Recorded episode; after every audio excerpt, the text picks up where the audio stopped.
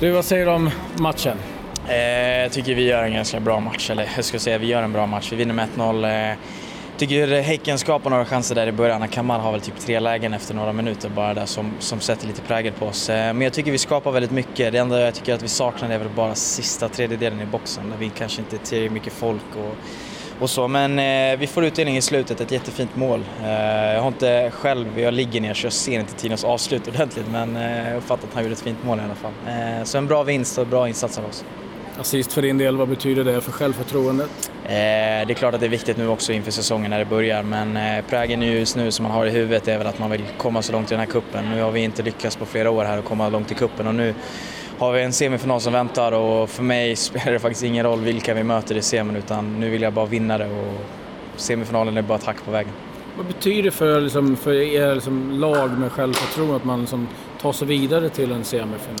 Men det är jätteviktigt. Vi har haft ganska många människor eller lag, i laget nu som har varit sjuka. Eh, Harris är borta idag, Walker är sjuk, eh, Jonas var lite krasslig. Så det är skönt också att visa att eh, de gubbarna som, som kanske inte spelade förra matchen från start och får komma in och göra bra med Fredrik och Ring och, och alla som nu kommer in. Liksom, att det, det, visar att vi har en bra trupp fortfarande även fast vi har tappat många, många fina gubbar från förra året. Och, uh, vi, absolut, det blir en bra stämning i gruppen och det ger oss en bra boost inför, inför nästa match. Har det hunnit sätta sig, det här, det här nya liksom, bygget med Ring och alla nya spelare? Hur, um, hur långt in i processen är ni? Eh, det är svårt att säga när man sätter den så, utan det skiljer lite från match till match. Man måste ju spela också och idag får Ring spela sin första match här riktigt från, från start i tävlingsmatcher och gör det väldigt bra och så. Samma sak med Fredrik också som, som kanske inte, han sa till mig i duschen nu att han inte har spelat en matchen i december så det är kul att han kommer in och orkar spela 90 och kriga som fan och gör det bra ifrån sig. Eh, men vi andra gubbar som har varit kvar förra året har ju lärt oss känna Öskan nu i alla fall i ett år och, och det har ju väl gynnat oss mer och liksom, nu kan vi ta med våra gubbar nya in istället för att Öskan behöver ta dem liksom in. Eh, så det är klart att det kanske tar lite tid men jag tycker att de har gjort det bra hittills ändå.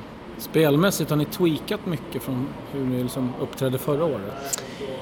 Ja, det blir lite så. Vi har ju olika spelare men eh, samtidigt Janis är väldigt lik eh, Ottman både i sin spelstil och, och Ring är lik eh, Mange, även Harris där som har spelat, eh, nu spelar Tino istället för Gurra om man ska gå lite så personligen på alla men jag tycker att de spelarna som har kommit in har ungefär en liknande spelstil och vi jobbar ändå på samma, samma principer det vi har jobbat under hela året och ja, varje träning har ju präglat sig för att det ska funka för alla spelare också, inte bara för de som startar. Så um, det är klart att det känns som att det har kommit in mer så.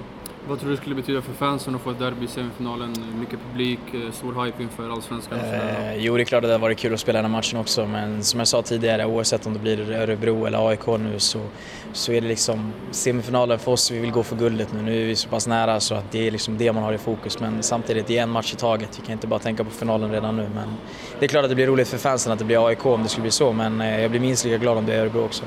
Du har spelat en lite mer framskjuten roll här nu. Börjar du hitta rätt i den nu? Eh, ja, faktiskt. Jag har spelat på alla möjliga positioner med, eh, under alla år. potatis! Ja, jag vet inte vad jag ska säga att jag har för position heller. Och, och, och ibland när jag vaknar upp så känner jag att idag ska jag vara sexa. Ibland nu är Ronaldo som hittar. Men eh, absolut, jag känner att den passar mig väldigt bra. Oavsett så kanske jag inte riktigt är den här finlirande tian utan det blir väl också ganska mycket brunket. Men jag vinner väldigt mycket på det också och det är min spelstil och jag kommer inte ta ifrån mig det själv heller. Liksom. Men jag känner absolut att jag kommer in väldigt bra i den rollen nu på de här senaste senaste året skulle jag vilja säga. Det har ju varit ett år, ett år jag spelat på den positionen och eh, jag trivs väldigt bra där.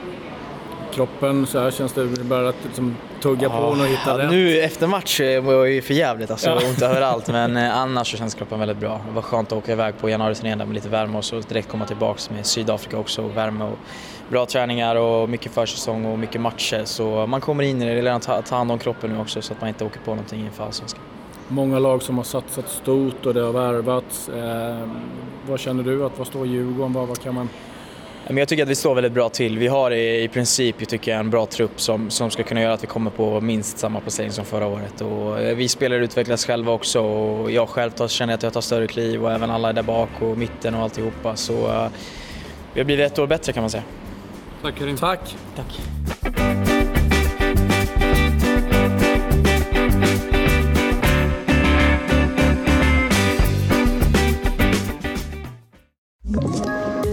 Poddtips från Podplay.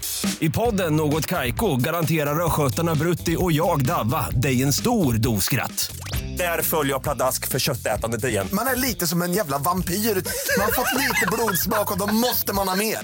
Udda spaningar, fängslande anekdoter och en och annan arg rant. Jag måste ha mitt kaffe på morgonen för annars är jag ingen trevlig människa. Då är du ingen trevlig människa, punkt. Något Kaiko, hör du på Podplay. Därför är gardinerna.